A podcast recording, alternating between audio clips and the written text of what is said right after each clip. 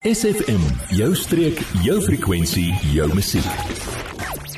Kus tot kruin, jou weeklikse blik op die omgewing en die bewaring daarvan word met trots geborg deur Sandpiper Cottages Bochumsbaai, want hier gee ons om vir jou en die omgewing.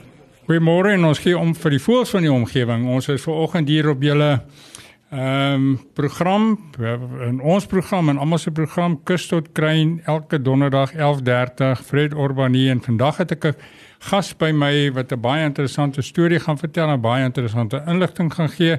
Sy naam is Roland Voorwerk en ons gaan praat en hy's van BirdLife South Africa en ons gaan 'n bietjie praat oor die voëls op die tuinroete. Môre Roland, how are you? Good morning. Greetings. I'm well, thank you. I think you're from KZN originally, aren't you? Yes, I grew up near Maritzburg, but uh, we have a guest house also in Sedgefield now, so I'm starting to get a little bit more familiar with the Southern Cape. Jy behoort 'n bietjie Afrikaans te kan praat, maar jy praat alright. So but let it let it ek kan al 'n bietjie, maar nog nie ek ek ken nog nie my voel eh, voel so goed op Afrikaans nie. Ek ken myne ook nie, moenie worry nie, weet jy. Ek ken of Australies en Ostrich en daai soort nog.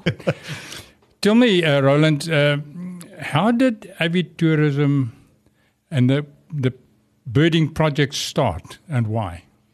Yeah, so I've worked with uh, Andrew de Blocq, the avitourism manager from BirdLife uh, South Africa, uh, previously in, in, a previous job. And when we um, bought a guest house in, in Sedgefield, I chatted to him and I asked him, you know, how can we get um, avitourism or yeah. birding tourism uh, you know, active, active um, and more active? And uh, and so we we started chatting, and we then thought of uh, putting together a proposal, which we did uh, to the Western Cape um, Department of Tourism. They had a, a, proposal, call for proposals out, and so we mm. put spent a bit of time, mm, came up with a project, and we were able to get some funding. So, what you're basically doing is you are using nature to promote tourism, because tourism promotes jobs. And the nice thing about, and the thing that people don't really always realize is we on the garden route have got all the natural assets that we can use to promote ourselves and to promote work opportunities. So we must work together with nature, not destroy it, but expose people to the beauty of nature. And that's exactly what BirdLife South Africa is going to do now with you at the helm. Well, I'm an active uh, local, um, oh, and and it's okay. important then also working with national organisations to to really have a network of local mm. interested uh, people. And what's been really interesting is this project is both in the Klein Karoo and the and the Garden Route. So it really shows the diversity of our of, of, of our nature from the Swartberg all the way down to the coast. Wow. Nature's Valley all the way to uh. So wow. it's a really I, big area. I would like to ask you how many species of birds are there, but let us go on to our, a little bit of music and then we're going to maybe uh, talk about this in your next uh, insert, which is in a few minutes. Thank you. Word deel van ons Facebookblad vandag nog facebook.com vorentoe skuinstreepie sfm streek. Roland uh, Voorwerk is here from BirdLife South Africa and we are talking about the birds of the garden route and how can people get to see our lovely bird life. But first, let's continue where I started in uh, just now, and I just uh, asked you what, uh, how many species of birds are there approximately in the Klein Karoo and on the garden route? Have you an idea? So uh, Andrew de Blocq, the Avi Tourism Manager from BirdLife South Africa, um, has indicated that there are about 450 species of birds that occur at different times of the year in the Klein Karoo and, and, Garden Route. So it's a big it's a big amount considering that there are mm. about 900 in the country. So so we have 50% of the country's bird species that are uh, also resident at some stage in the year in the year here.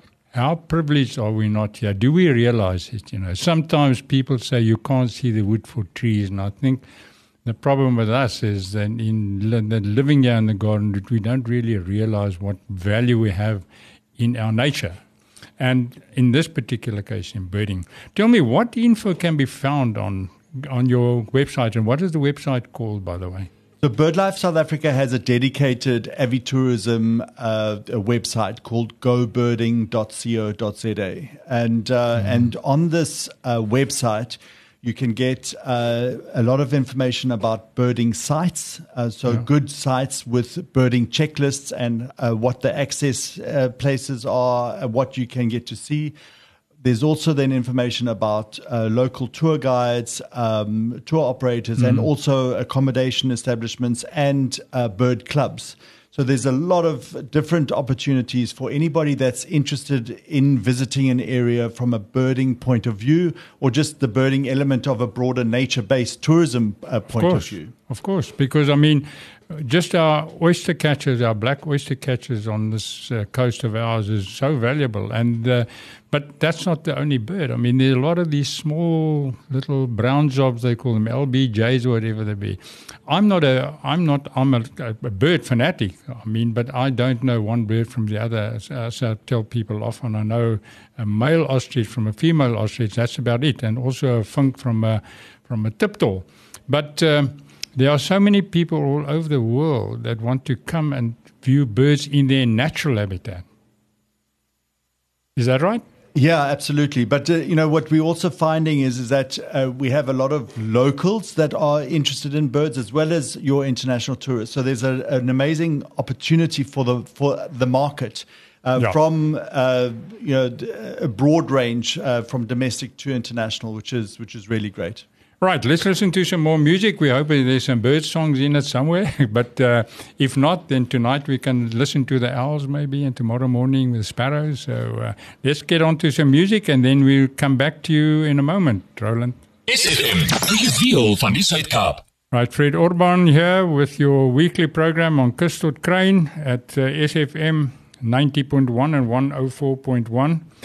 Uh, we have with us today Roland Vorwerk from BirdLife South Africa. Roland, we have had some interesting information from you. Can you uh, tell us a little bit about the 43 tourism educationals that you have? Because, you know, how do people know about these things? Uh, tell us how, how you how you are going to go forward from this point on and how people can get involved. So we've um, over the month of November we um, set up 43 different avitourism educationals across the whole Garden Route in the Klein Karoo. From Witstrand to Van Wyksdorp, Ladysmith, Uniondale, Meiringspoort, Nature's Valley, um, Hoekwil and Woodville Tree. So th- what we we did was we wanted to bring this birding experience to local people and Yeah. the tourism operators so that we could start having conversations and letting people know what the value of birding tourism is or avitourism and how one can get involved and who one can start talking to to get more information. Yeah, the problem is communication. You know, I- want to be a bird and I want to watch birding, but I mean, I don't know what where to start. Even you know, you understand. And and BirdLife South Africa will give you that information if you go to their website, and uh, that you can get a lot of information. And also from you personally, Roland, if people want to have, have a contact, they can contact you on your WhatsApp number. Yes, uh, correct. So birdlife.org.za has is a fantastic resource uh, generally for birding and birding conservation, and then the gobirding.co.za specifically about the avitourism. Yeah. And then if there- are any further uh, questions around this project, specifically in the Klein Karoo and the Garden Route, uh, my my WhatsApp number is 082 466 1251, and I'm very happy to answer any questions. Thank you. It's 082 466 1251 and it's Roland Vorwerk. We will get back to Roland just now. And uh, Roland, in our last insert now, you can just wrap up and say, how can a guest house get involved? Because, yeah, how, you know, from birding to to profit. I mean, that's basically about it. So you, you use birds to make money for yourselves and to your establishments in the area and you you work with uh, hopefully with uh, conservancies. Uh, I think you told me that you are at the moment working with Frans Mansou Conservancy. You live in Sedgefield, so obviously Sedgefield Island Conservancy. Then we have the Midbrak Conservancies. We have a number of conservancies on this coast, and I think it's a good channel to work through is through the conservancies. And uh, the more the conservancies get involved, and you with the conservancies, I think, the more our bird life will prosper. Right, we'll go on to our uh, next insert now and our last one, and Roland can just wrap it all up as, for us to know how we can get involved and how we can use birds for our own knowledge of the environment.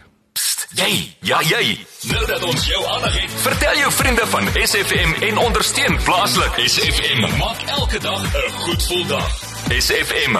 We have got a very interesting interview this morning with Roland Vorwerk from BirdLife South Africa. Roland, now all this, the birds and the guest houses and the work opportunities and, and nature, just explain to us how, if a guest owner, a guest house owner is there, how does he get involved? I mean, and how do people know about it? Have you got birding hotspots and that sort of stuff? Just explain to us more or less what uh, the procedure would be and how we can get more interested as residents of this area. Great. So, so there, there, there, are three different groups here. It's it's the public, it's the guest house owners or the tourism establishments, and then it's the conservancies or the the, the, the NGOs. And yeah. each of those three uh, can get involved in, in different ways. So, the public, um, there are a number of different bird clubs that meet regularly that one can become part of, or bird groups. Some are formal, some are more less less formal. So uh, let me know uh, where you are, and I can put you in touch with with the local um, organizations or, mm. or clubs. Um, for guest house owners and tour operators and tour guides, um, BirdLife South Africa has a system through their Avitourism uh, department uh, or yeah. program to become recognized as a BirdLife South Africa recommended accommodation. And you then, um, you know, su- uh, apply to, to be part of that program, and then you are profiled on the gobirding.coza website. So, um, in other words, the uh, BirdLife South Africa will say, uh, let's say Boggomsbaai or Vleesbaai or Kleinbrak, uh, there's a hotspot for uh, for for certain birders, uh, types of birds like the voëlvlei, for instance, there near the Gouritz River, etc., etc. Yes, exactly. So there will be at the end of this project there will be 90 different birding sites on the Go Birding uh, platform. Good. And then there are quite a few accommodation establishments that are also going to be profiled. So so that's also going to then be both the sites and the places to stay. Why is BirdLife doing this? Is BirdLife an NGO? BirdLife is an NGO, so it is uh, the, the, the, the, most important birding conservation organization in the country. And uh, this program specifically falls under their Empowering People uh, program. So it's yeah. specifically linking the benefits of birds to, to people and the opportunities that birds and birding tourism can provide through ecotourism. Yeah, filtering creating through. That, creating that link more strongly. Correct. Well, it's a wonderful project, and I'm so pleased that BirdLife South Africa has now decided that the garden route is a hotspot. It could be a world hotspot, as man. 450 different species of bird just in our little area. We are indeed privileged. Roland, thank you very much for uh, this input, and we uh, we hope we have, we're going to have some more talks with you in the future regarding the establishment, regarding of progress, and also, you know, when you want to have a look at flamingos somewhere, where can one go to? Uh, for instance, you know, if you want to go uh, see a, a, fish eagle, where do you go to? You know, where? So you will highlight this in your in your bird life South Africa's uh, website. Absolutely. And then just a final punt to voëlvlei at the moment because uh, apparently it's uh, the best it's been in 10 years and there's some really interesting species that have started to uh, come through now in the in the in the summer season so it, it, it definitely will start attracting some twitchers. Absolutely. It's a wonderful site because I know it very well. And uh, I tell you what, you'll see birds there that you won't see for a long time if there's no water. Thank you very much, Roland, and uh, BirdLife South Africa. Uh, and we wish you the best of uh, luck for your project and also the best of luck for our local residents and the best of luck for our birds. Perfect. Thank you very much for your time. Hierdie program was vir jou gebring deur Sandpiper Cottages in Bochoms Bay, weggesteek in 'n ongerepte baai en Bavaria off the beaten track, slegs 30 km vanaf Mossel Bay. Kontak Sandpiper Cottages via die webwerf sandpiper.co.za of per WhatsApp 081 071 6735. Adverteer jou besigheid vandag nog op SFM. Vir meer inligting skakel SFM gerus by 044 801 7811.